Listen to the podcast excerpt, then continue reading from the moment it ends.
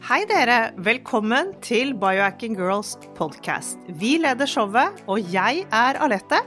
Og jeg er Monica. Vi er gode venner og kolleger, og vi legger sammen våre erfaringer og kunnskap for å inspirere deg til å bli din egen biohacker og optimalisere livet ditt. Vi følger med på ny forskning og trender, og stiller de spørsmålene vi mener er nødvendige. Ja, vi deler informasjon om biohacking, life coaching og fitness, og vi håper at du vil føle deg inspirert og klar til å ta et tak for å komme i den beste helsemessige form. Velkommen til Biohacking Girls podcast. Vet du hvorfor nesten all medisinsk forskning er gjort på menn, Alette? Det vet jeg faktisk. Det er fordi vi damer, vi er så kompliserte. Med våre hormoner er det altfor vanskelig å få gjort forskning på oss. Ja, det stemmer, men òg fordi at menn i lang tid har vært totalt uinteresserte i kvinnens plager. Her ser vi heldigvis en stor endring, og det er ikke lenger et tabu å snakke om mens og overgangsalder og alt det som hører til som våre mødre gjerne skjulte. Det har også kommet mer og mer nå gode tester for oss damer når det gjelder hormonene våre. Nå er det opp i dagen, det passer veldig bra for oss som biohackere at nå kan vi endelig begynne å teste litt. For hva er det egentlig som skjer med alle disse hormonene våre? Det er faktisk også mulig å rette opp i hormonelle forstyrrelser. Og selv om dette med hormonproblemer ikke har vært så særlig snakket om, og at kvinner går ofte rundt med plager, så er dette absolutt ikke noe vi trenger å gjøre. Selv om det er vanlig, så er det absolutt noe vi må rette opp i. Ja, og vi har jo hatt en episode tidligere som handlet om den populære Dutch-testen. En litt avansert episode, men hormoner det, går jo på mange plan. Det er ikke bare perimenopause og overgangsplager, det går òg på humør, og det går på syklusen vår. Så nå var jo jeg nydelig, nylig i Marbella og var på en klinikk som heter Long Life Clinic. De er da eksperter innenfor anti-aging, som vi stadig kommer tilbake til. Og de har en Dutch-test, eh, en litt annerledes Dutch-test, så jeg skal ta nå, da. Jeg har ikke gjort den ennå, dette. Å, så spennende. Ja. Skal du ta den neste gang du drar nedover? Ja, eller jeg skal ta den da eh, to, mellom 12 og 28 dager etter uh, endt menstruasjon, så det blir nå snart. Men uh, den uh, virker litt enklere, litt mindre komplisert. Ja, for den Dutch-testen, der måtte du ha tungen rett i munnen for å få gjort den, for å si det sånn? Ja, det var akkurat det. Uh, tellinger. Så denne begynner du på kvelden, og så tar du eventuelt en test, en urin, på natten hvis du går på do. Og så er det et par på morgenen, da. Så den er ikke så Det er nesten som å faste, holdt jeg på å si. Når du faster fra ettermiddagen til morgenen, så blir det lettere. I alle fall, uh, den legen som vi møtte der nede, han jobber med bioidentiske hormoner. Det til forskjell for syntetiske hormoner. Så vi vil kanskje litt før eh, perimenopause og til og med når den setter inn, begynner på hormoner for å støtte opp om østrogenproduksjonen. Så um, i alle fall, det jeg fikk med meg hjem i kofferten, det var en testosterongelé, en progesterongelé og en um, estradiolkrem. Så alle disse skal smøres på kroppen, og i dag skal vi komme litt dypere inn i hva i all verden dette betyr. Du kommer til å bli rene 20-åringen etter denne behandlingen her, det er jeg helt sikker på. Men i dag er vi så heldige at vi har med oss en hormonekspert, vil jeg kalle henne. Nina Willumsen. Hun er utdannet gynekolog og har vært avtalespesialist med egen praksis i Drammen siden 2005. Hun var en av de første i Norge til å utdanne seg innen funksjonell medisin. Dette gjorde hun i USA. Doktor Nina hun har stort fokus på kvinnehelse.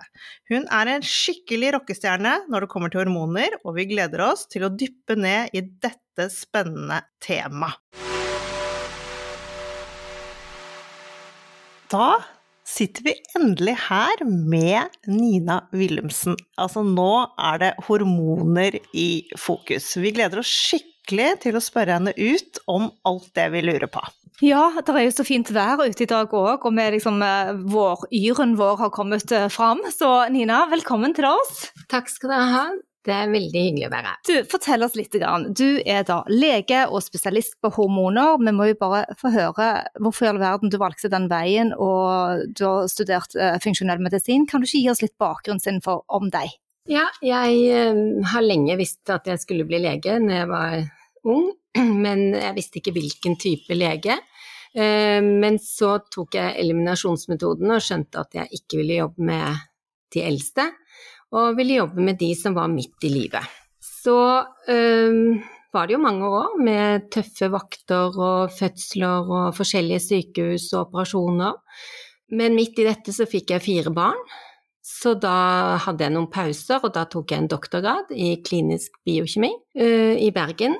Og det var veldig spennende, men jeg skulle ikke bli forsker heller. Så da dro jeg til Rikshospitalet, som var mitt store ønske, å jobbe der. Det var en skuffelse, så der sluttet jeg. Og begynte i privatpraksis. Og da skjønte jeg for første gang at jeg hadde jo ikke lært jeg skulle hvordan jeg skulle behandle de kvinnene som satt foran meg. De var slitne, orket ikke jobbe så mye som de hadde tenkt, de var overvektige, gikk ikke ned i vekt, sov dårlig, hadde ingen sexlyst, og dette kunne jeg absolutt ingenting om etter å ha studert i 15 år. Så da reiste jeg rundt i verden og prøvde å finne noen som kunne lære meg dette, og da har jeg vært eh, og hospitert hos mange kjente leger, og jeg var lengst hos eh, en i Brussel, som er en av verdens mest eh, kjente på hormoner, dr. Hertog. Han jobber også veldig mye med anti-aging. Og så skjønte jeg etter noen år hos han også at hormoner er ikke alt. Så jeg måtte lære litt mer om kosthold, om tarmen, om inflammasjon. Og da fant jeg eh, Institutt for funksjonell medisin i USA. Det er basert ved Cleveland Clinic, men eh, alle kursene foregår varierende steder i USA. Så det har jeg holdt på med. Du, dette er helt fantastisk, Nina. Og det som er så viktig, syns vi her med denne biohacking-podkasten vår, det er å ha en norsk stemme på alt det som vi hører mye om og leser mye om. Vi leser jo hele tiden om anti-aging, om hormoner og om ja, forskjellige biohacks som kan hjelpe oss å optimalisere helsen. Men du har jo da vært litt forut for sin tid. Jeg kan tenke meg at du har vært litt alene eh, i den driften din etter å hjelpe folk. Hva er, hva er det som driver deg da for å komme videre? og finne de svarene og hjelpe så mange mennesker? For det første så elsker jeg å lese, så jeg leser jo alltid og hele tiden og bestiller ti bøker om gangen. Eh, følger med på forskningen og syns det gir meg en veldig boost i forhold til mine pasienter, hvordan jeg kan hjelpe de til en bedre eh, hverdag. Eh, problemet er nå at jeg er veldig alene fortsatt. Det er ikke mange leger som har vist interesse for mitt felt. Ehm, men jeg er helt sikker på at dette er den riktige veien å gå for helsevesenet, for nå vil vi innen 2030 bli mer overlatt til oss selv, ifølge rapporter både fra EUs, EUs eh, medisinske råd og Nordic Health 2030, konkluderer med at eh, vi må klare oss mer selv, få mer informasjon, og at helsevesenet ikke vil ta vare på den forebyggende medisinen. Det har vi jo allerede begynt å merke, syns jeg. At det, du får ikke mye svar når du går til en lege. Man må faktisk være litt oppegående og stille spørsmål selv og undersøke selv, som du sier. Men la oss begynne helt på begynnelsen. Hva er hormoner, og hva slags hormoner har vi? Hormonene våre er jo eh, produsert i eh, de endokrine kjertlene. De er eh, stort sett steroide, eh, og utgangspunktet er eh, eh, kolesterol. Så har vi for lavt kolesterol, så får vi også for lave sexhormoner. Og det er det mange som ikke vet, så det er ikke så lurt å spise eh, lavfettprodukter. Eh, vi bør ha i oss både litt animalsk og selvfølgelig sunt eh, vegetabilsk eh, fett for å kunne produsere hormoner. Ja, nå snakker du absolutt eh, vårt språk her.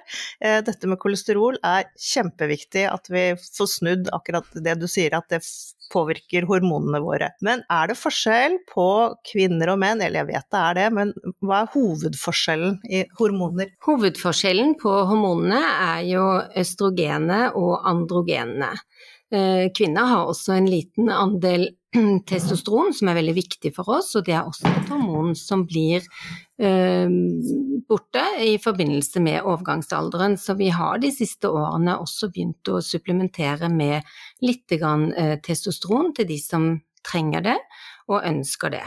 Men da må man være forsiktig med dosen, og man må være klar over at eh, der er det heller ikke gjort nok eh, forskning på kvinner og testosterontilskudd. Men du jobber jo med kvinner i alle aldre, går jeg ut ifra. Og hvor er det du ser de største problemene? De største problemene er jo helt fra kvinner får menstruasjon til eh, alderdommen. Det er utrolig mye hormonell ubalanse.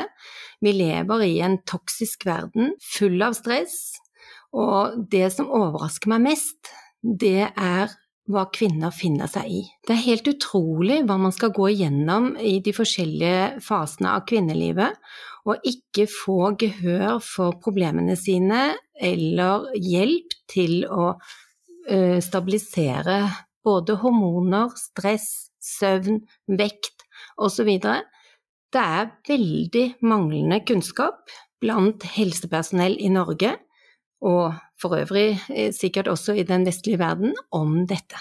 Så dette er et felt som må satses mye, mye mer på. Ja, eh, jeg har litt lyst til å gå tilbake igjen til de hormonene, supplementene du snakker om, sånn som testosteron. For eh, jeg tror jo òg at hvis dette hadde vært litt lettere for eh, folk å komme til fastlegen sin og bli hørt, og det trenger ikke nødvendigvis å være i peri-menopause, men sånn som du snakker om stress, men det med riktig dosering og det å vite hva som er bra for en, for man blir jo litt sånn usikker. Eh, det er veldig mange Er det, er det en mal, er det noe å si til eh, lytterne våre om hvordan man kan velge riktig? Tenker du på å velge riktig hormon? Ja, både det Du snakket om testosteron. Tidligere så sa du det at eh, testosteron f.eks. Man må være veldig nøye med doseringen. Og derfor, det får meg til å tenke, men hvordan skal jeg vite hvordan jeg kan være, velge riktig?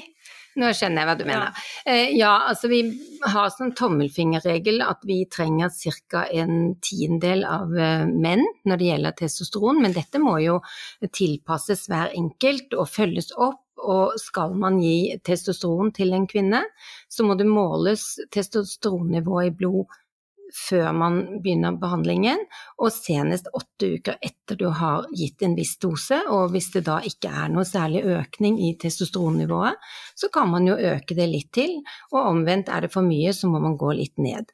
Det er en del bivirkninger med testosteron, som at man blir relativt eh, bestemt, så man må ofte mm, informere om det, for partner kan jo reagere på at eh, kvinnen hans blir veldig annerledes. Eh, det andre er at det kan bli kviser, håravfall og ikke minst økt hårvekst på kroppen. Ja, så Det er viktig å gjøre dette her i samarbeid med en lege, men da er vi tilbake til problemet at det er så få leger som gjør dette her. Men det er jo kommet en del sånn tester hvor man kan faktisk gjøre det selv hjemme og få hjelp via skjermen. Det er jo en god utvikling. Ja, det er jo for så vidt det, men det er jo Kan aldri erstatte et fysisk møte. Så jeg mener at man må møte pasienten fysisk, i hvert fall én gang i løpet av forløpet. Så er det jo en del andre ting man kan gjøre online.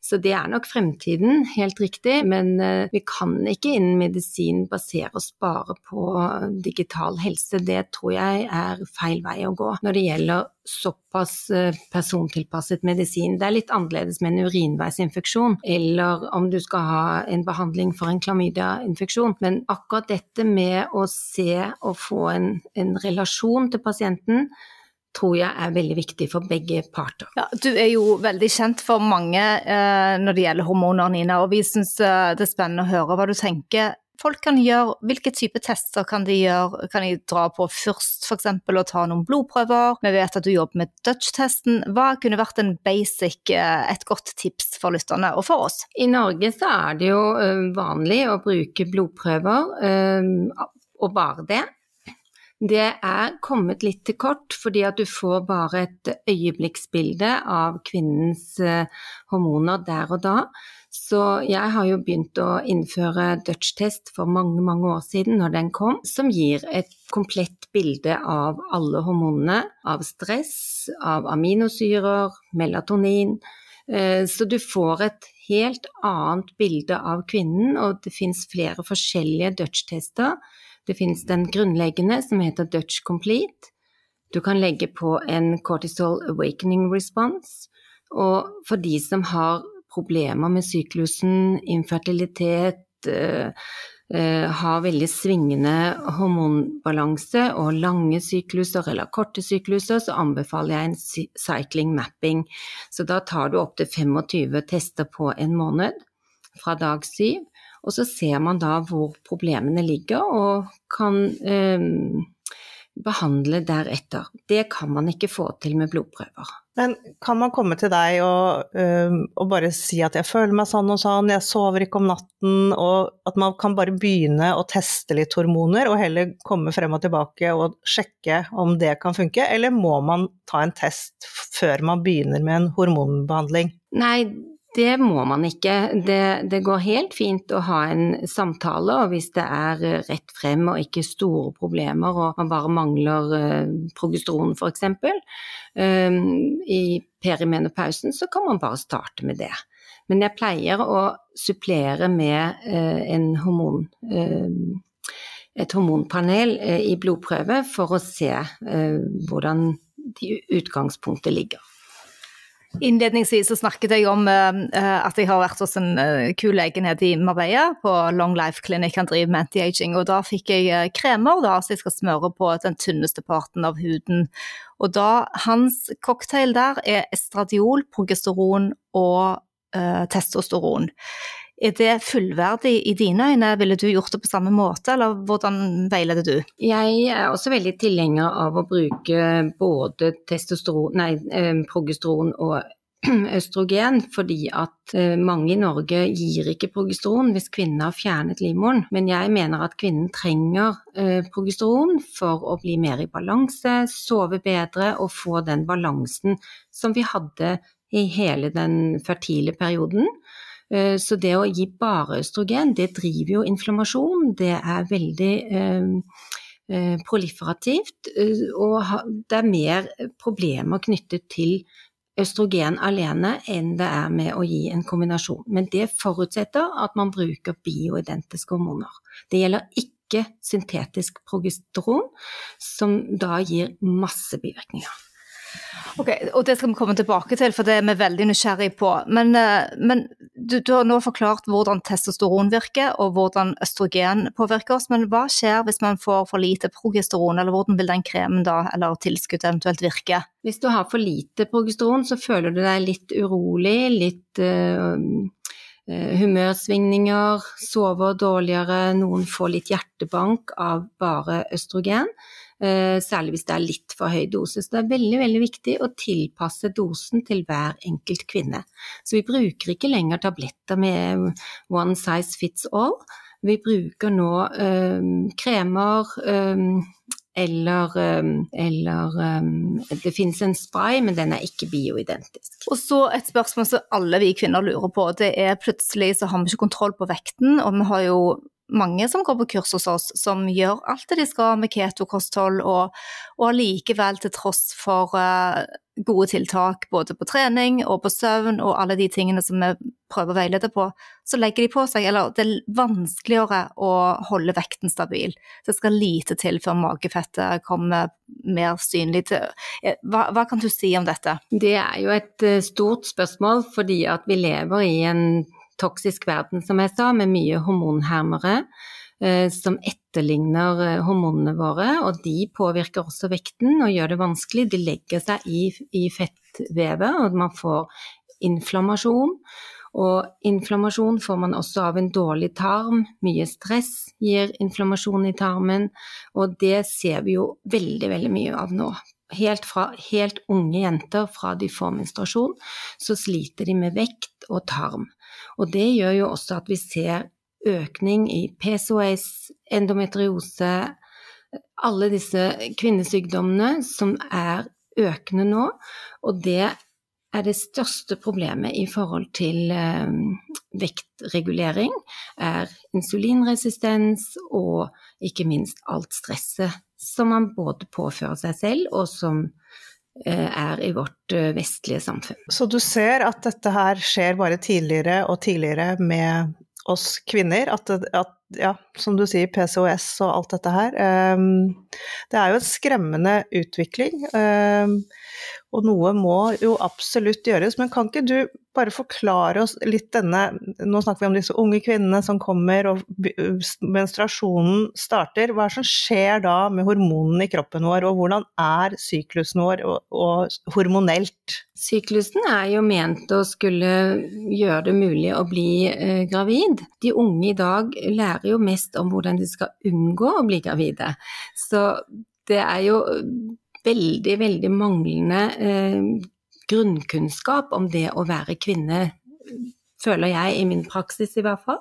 At de har mange underlige spørsmål som de burde vite før de er 18-19 år. Det er stor variasjon i syklus, eh, men mange har eh, f.eks. nå etter eh, vaksinen fått enten stopp i menstruasjonen, eller uregelmessig menstruasjon, eller veldig mye menstruasjon. Så det har jo gjort at vi har jobbet på overtid, alle gynekologer nå, for å prøve å løse disse problemene.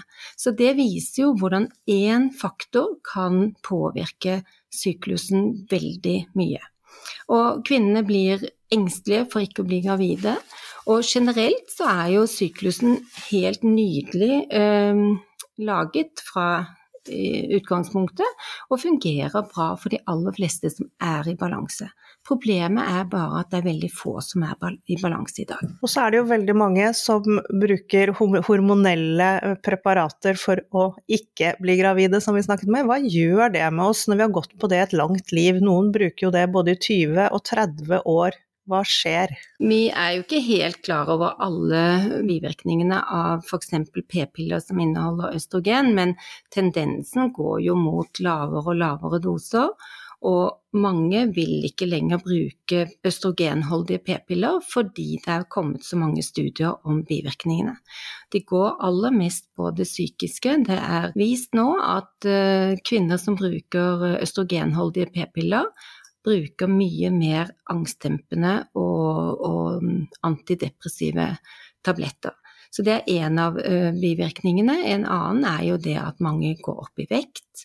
De føler seg annerledes. Det er til og med en studie fra Danmark som viser at kvinner velger andre menn når de går på østrogenholdige p-piller, enn når de ikke gjør det. Så det er ganske skremmende hva hormoner gjør med oss. Det er kraftige eh, signalsubstanser i eh, både østrogen og progesteron, og særlig de, de eh, syntetiske. Det finnes en test du kan ta, jeg tror det er en spyttest, eh, hvor du kan eh, sjekke ditt uh, hormonnivå mens du menstruerer, sånn at du da kan få tilpasset ja, tilskudd når du kommer i overgangsalderen. Vet du, vet du noe om det? Dette er jo ting som skjer i USA. Vi har ikke mulighet til det i Norge enda, og det var som vi snakket om her før vi startet podkasten. Uh, de er kommet 15-20 år lenger enn oss i USA. De driver med compounding pharmacy, de jobber mye mer med naturlige hormoner. Og vi har en lang, lang vei å gå i Norge for at kvinner skal ha en bedre kvinnehelse, og det er jo det jeg brenner for. At hver kvinne Vi har relativt korte liv, og vi har ikke tid til å bruke fem-ti år på å være i en hormonell ubalanse, slitne, trøtte, deprimerte. Vi må jobbe for at vi får en optimal helse alle sammen. Det er mitt mantra. Ja, og særlig når man òg vet at hormonpåvirkningen kommer utenfra òg. Og dette angår jo både unge kvinner og unge menn og voksne, men menn òg, da. Eh, for det, hvor er det vi får en uønsket hormonpåvirkning fra? Jeg skulle ønske jeg kunne si det annerledes, men det er i luften, i vannet, i rengjøringsproduktene, i deodoranten, i sjampoen, i maten, i plasten, i havet. Det er overalt. Og vi er dessverre bare passive tilskuere til dette. Og det vi kan gjøre selv, er jo å ta de små, riktige valgene hver dag og prøve å unngå eh, mikrobølgeovn, plast, i, på kjøkkenet, rense opp på badet og få ut de billige produktene osv. osv. Men dette kunne jeg snakket om i mange timer. Det er helt forferdelig. Og en liten baby som fødes i dag, har ca. 400 fremmedstoffer i blodet. 400 fremmedstoffer, kan du forklare hva de er, f.eks.? Av toksiner? Ja, det er jo hormonhermere, toksiner, eh, xenobiotika, altså det er alt mulig som vi har overalt, som mor har fått i seg gjennom svangerskapet. Til og med det vi smører på huden går jo inn i kroppen, så dette er uoversiktlig. Og det, det, sier jo veldig mye, for det er denne, disse hormonene som jeg skal smøre på kroppen min nå, da, sant? det går jo bedre inn i kroppen enn, enn å ta det oralt. Så, så hva, men bare få noen sånn helt konkrete tips. Eh, bytte rengjøringsmidler, eller bare gi oss noen gode ting som du vil anbefale oss å gjøre. Det finnes jo nå rengjøringsprodukter som man kan kjøpe på helsekost f.eks. Det er dyrere, men da gjør man en liten innsats for det. Prøve å unngå å bruke deodorant. Eh, rense opp på kjøkkenet, sånn at du ikke bruker plastikk til å oppbevare maten, til å drikke vann av. Men det er jo allerede plastikk i vannet, så mange har jo litt gitt opp, ikke sant. Mm. Men uh, jeg, jeg, opplever jo at de unge i dag er veldig opptatt av dette, og at uh, de ønsker å lære mer om det. Men det er for lite tilgjengelig kunnskap uh, ute, hva man kan gjøre for egen helse for å detoxe det miljøet du selv lever i. Nå fikk jeg akkurat et godt tips av en venninne som heter Jessica. Hun er svensk og en liten biohacker hun òg, men hun bruker altså eteriske oljer under armen mm. istedenfor deodorant. Har du ja. prøvd det? Ja. Nei, jeg har ikke prøvd det. Det kunne sikkert vært veldig bra.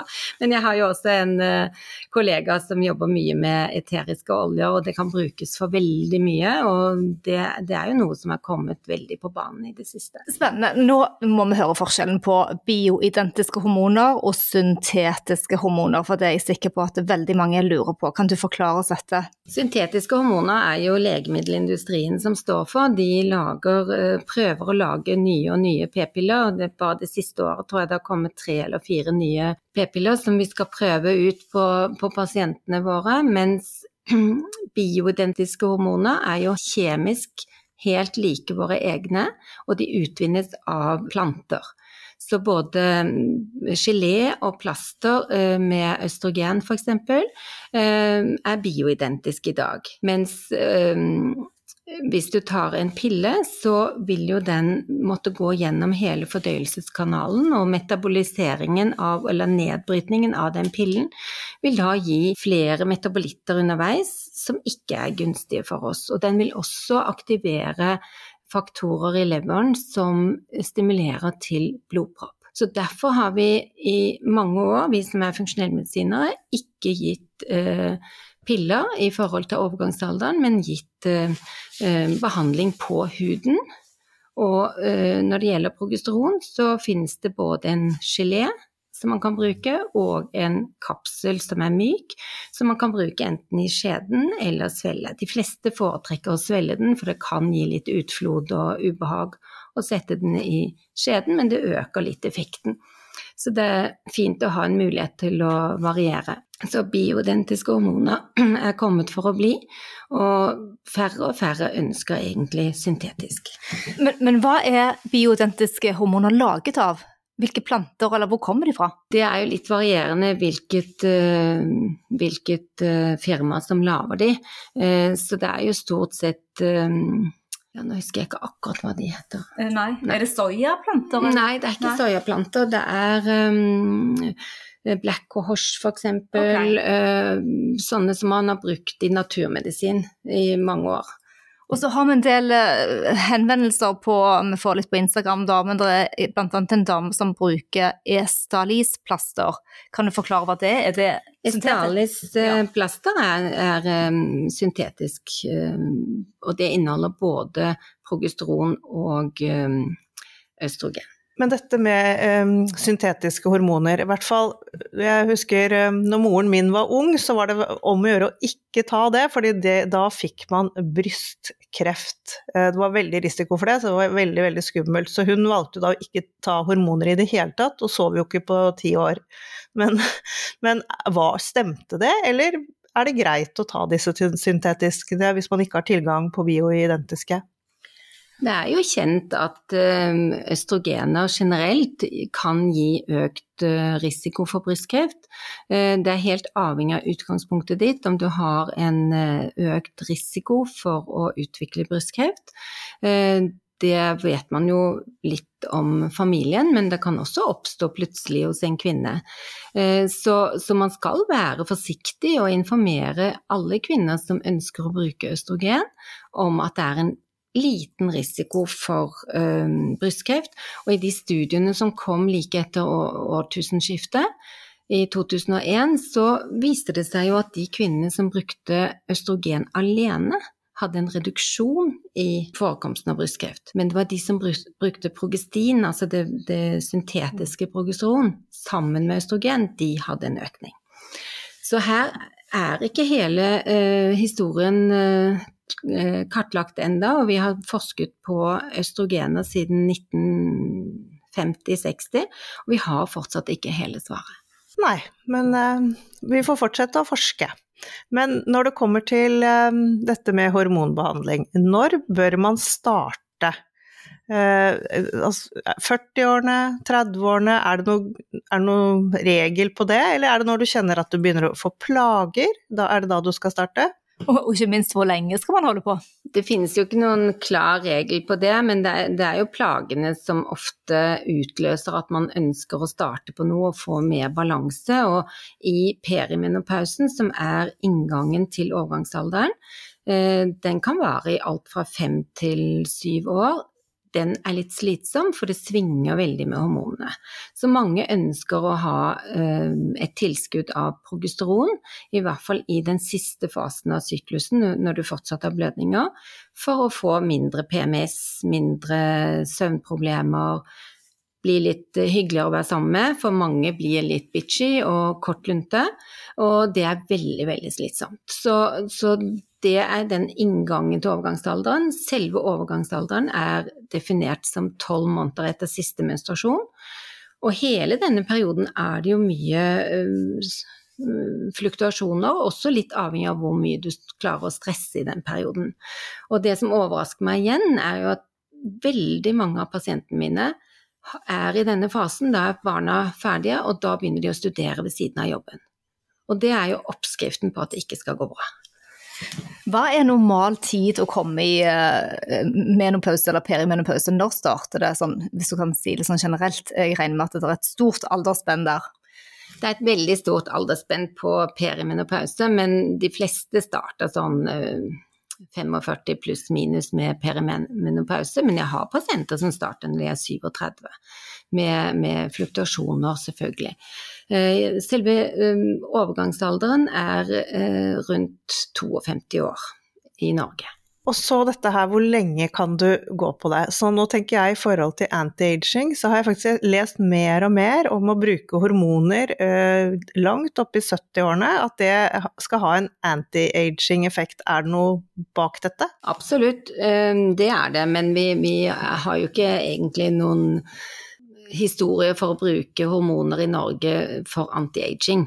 Eh, men det som kom nå nettopp, var en veldig spennende studie fra USA hvor hun, Miss Corney heter hun, som er nevrolog, og hun mener at uh, årsaken til at vi har ti ganger mer Alzheimer uh, hos kvinner enn hos menn, er det raske fallet i østrogen rundt overgangsalderen. Så hun slår et slag for at vi skal bruke en liten dose østrogen uh, hvis vi ikke er overvektige og har vår egen produksjon i magefett osv. Så, så her kommer det til å bli noen endringer etter hvert. Vi lever jo lenger og lenger, og det kan jo ikke være meningen når vi nå har en forventet levealder på 84 år, at vi skal leve hele den perioden uten hormoner. Og så morsomt, for I fjor så var jeg ute på stranden og eh, holdt på med sånn kuldebading. da, vi, vet du. Så, og Der møtte jeg en dame på 75, og hun badet òg. Og jeg spurte henne hvorfor, uh, hvorfor klarer du dette, hun var veldig prate, pratesjuk.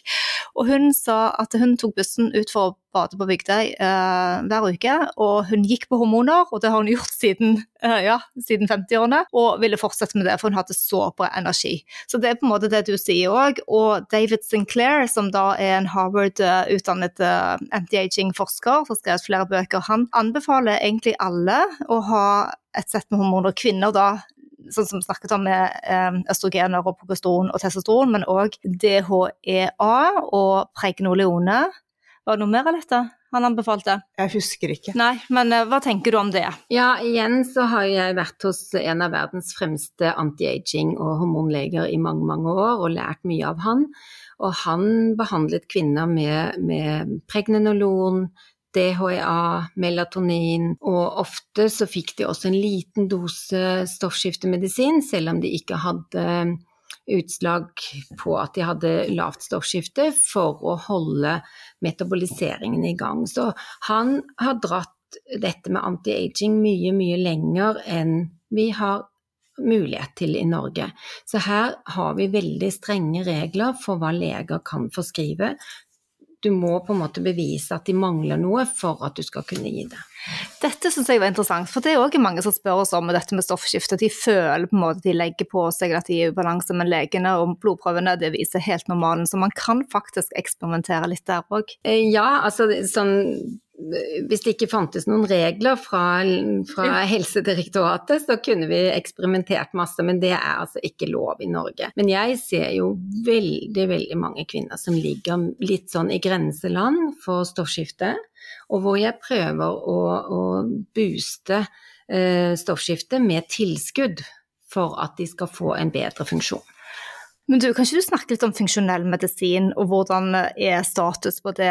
For det er jo det du jobber med. Ja, altså jeg syns jo funksjonell medisin er utrolig spennende. Og det, det som definerer funksjonell medisin, er at vi prøver å finne den underliggende årsaken isteden til konvensjonell medisin, hvor vi har uh, lang erfaring med å behandle på symptomene. Og for å si det veldig enkelt, så gir vi ikke smertestillende til en som har stein i skoen, vi tar ut steinen. Og det krever et slags detektivarbeid å prøve å finne ut hva de største utfordringene til den personen som sitter foran meg er. Og det er ikke alltid en pasient, det er en, en, en, et medmenneske som ikke føler at de har det bra. De kommer ikke lenger med en brukket arm eller en svær kul i brystet. Det er veldig stor endring i eh, sykdomspanoramaet. Bare de 15-20 siste årene så har masse endret seg, og jeg tror det er det vi ser nå, at det er et paradigmeskifte i medisin, hvor fastlegene f.eks. føler at de kommer til kort. Hva skal de gjøre med alle disse slitne kvinnene som ikke orker noe, som sover dårlig, som uh, har psykiske problemer, angst og depresjon. Og det blir veldig, veldig vanskelig å da bare sitte med reseptblokken, for det er ingen tabletter som kan løse dette. Det fins ingen quick fix. Og det vi gjør i funksjonell medisin, er at vi jobber med hele mennesket og vi kartlegger på en helt annen måte, og vi bruker andre tester. Bl.a. Dutch-testen som vi har snakket om i dag. Vi tar masse avføringsprøver hver eneste uke som sendes til USA for å se på mikrobiomet i tarmen. Og Alessio Fasano, som var den første som viste med sin forskning at gluten er bare ikke bra for oss. Jeg kom til USA i 2008 2008, og da sto det malt på veggen Gluten, it's just not worth it. Og da begynte jeg å lure hva er dette? Og det er det som er funksjonell medisin. At man går gjennom alle systemene, og da fikk jeg bruk for min eh, doktorgrad i klinisk biokjemi. For jeg skjønner jo alle disse systemene. Og da kan vi biohacke, vi kan putte inn der, vi kan regulere det, vi kan lure det enzymet til å fungere bedre, men dette krever masse kunnskap, og det er utrolig etterspurt i USA nå med funksjonellmedisinske leger, de klarer ikke å utdanne nok.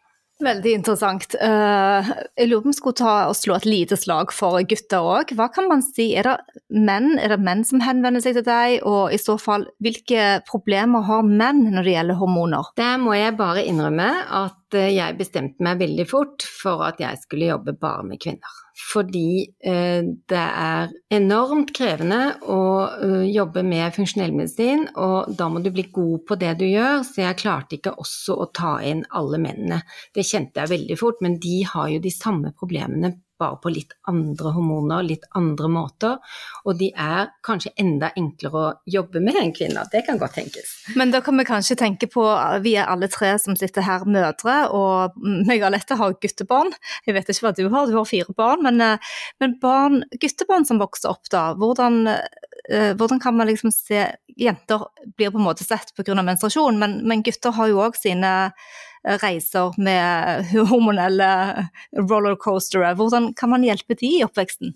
Ja, det, jeg har tre gutter og én jente, så det er jo også mye de eh, sliter med. Men de er enklere enn oss, og ofte så de Kommer de langt med å spise sunt, trene, være opptatt av søvn. Og han yngste sønnen min skal nå begynne på Harvard Medical. Eh, til høsten. Han er 20 år, og han, eh, hans store forbilde er David Sinclair, som har skrevet Lifespan. Så han har jo sittet og hørt på meg nå i, siden han var bitte liten, og er helt frelst. Og han sa her forleden mamma, jeg skal revolusjonere verden. Gjett om han skal komme på podkasten vår da, Nina. Fy søren, så kult! Ja, gjett om. Fy søren, de barna dine har jaggu meg et fortrinn, det må jeg si, med deg som mor. Men noe jeg har veldig lyst til at vi skal touche på, som vi også snakket om litt i forkant her, er det med stress. Du sa at du bare ser mer og mer og mer av dette stresset, og selvfølgelig nå etter de to siste årene. Hva gjør du? Ja, dette med stress er eh, den største utfordringen vi har i samfunnet vårt i dag, i tillegg til det vi snakket om i sted, med forurensning. Og stress eh, er veldig vanskelig å jobbe med fordi at det treffer oss så forskjellig. Noen er veldig flinke til å gjøre stressmestringstiltak som meditasjon, yoga, gå i skogen, stenge av litt, eh, ha digital detox osv. Mens andre bare tar det veldig inn, er sensitive og brytes ned både mentalt og fysisk av mye stress. Og der vil jeg slå et slag for uh, Dutch-testen, som er en fantastisk oversikt over både kortison og kortisol, sånn at du får hele bildet og metaboliseringen av eh, kortisol. Sånn at HPA-aksen kan da eh, reguleres, og, og, vi kan behandle ut fra det vi ser i Dutch-testen. Så den er helt unik i sin form og koster litt, men er en god investering for å se hvor dine personlige utfordringer ligger i forhold til stress. Og så vil jeg også tenke at det, er jo en veldig god motivator at du faktisk ser det sort på hvitt, at her, her sliter du med stress. Det er kanskje lettere for folk da å også gjøre noe med det, når du får resultatene på det. Absolutt, og enten du går i Oslo en dag eller er inne på et uh, handlesenter, så ser du jo hvor høyt tempoet er, hvor mye Folk haster av gårde, og de ser veldig stresset ut. Så hvis man da sitter på en benk og slapper av og ser på dette, det, det er en av mine yndlingsaktiviteter på flyplasser og sånn, og tenker hva, hva slags liv har denne mannen som ser så sliten ut? Helt enig. Samme syns jeg er også veldig spennende, er å se det stresset. Men jeg blir veldig påvirket av det. Jeg må, jeg må jobbe veldig med å ikke ta andre stress inn. Jeg må ha detox hele tiden. Ja, der er jeg heldig, for jeg blir ikke stresset selv om jeg er forsinket. Jeg kan bare gjøre så godt jeg kan. Eh, og det prøver jeg å lære mine pasienter, og jeg har en yndlingsbok for tiden som jeg anbefaler alle de unge kvinnene. Den heter Drit i det. Den er skrevet av Sarah Knight og er en fantastisk bok. Hun er blitt uh, verdenskjent for den uh, lille, tynne boken om hvordan vi skal bry oss veldig mye mindre om hva andre syns om oss. Hva heter den boken på engelsk, husker du? Nei, den er litt vanskelig, den testen. Jeg har lest den på engelsk, faktisk, men den er litt vanskelig. Jeg husker ikke. Nina, dette var veldig interessant og spennende, og nå er vi jo så nysgjerrige på hvor vi finner deg, for folk kan kontakte deg. Og vi har snakket tidligere om dette med Dutch-testen, at én ting er å ta testen, men hvis du ikke får analysert den eller hjelp til å forstå den, så er du egentlig like langt. Det er helt korrekt. For det er eh, avansert biokjemi. Eh, det krever mange kurs og mye studier for å lære å tolke og bruke en eh, Dutch-test riktig. Jeg vet ikke akkurat hvor mange som bruker den i Norge nå, men vi bruker den hver eneste dag. I går hadde vi tolv nye forespørsler.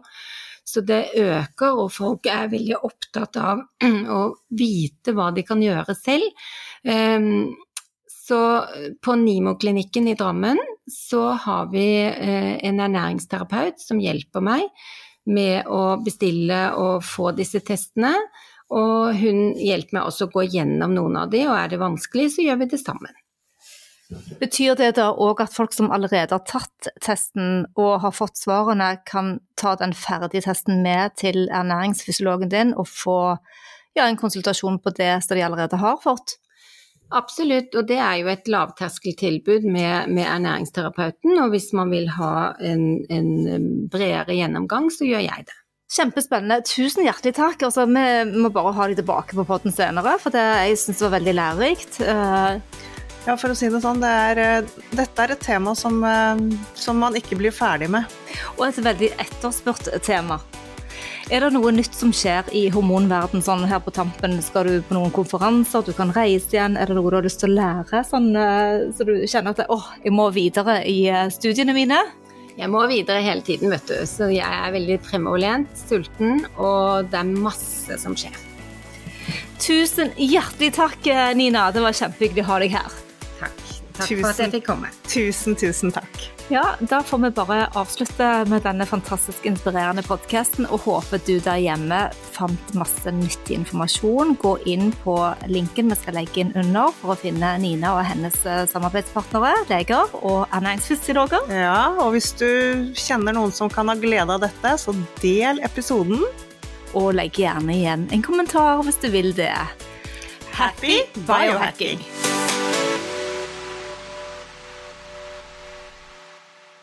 Vi minner om at dere må snakke med egen lege eller kostholdsveileder om dietter og andre spørsmål relatert til medisiner og supplementer. Informasjon vi deler kan ikke bli brukt til å diagnostisere, behandle, forebygge eller kurere noen sykdommer eller tilstander.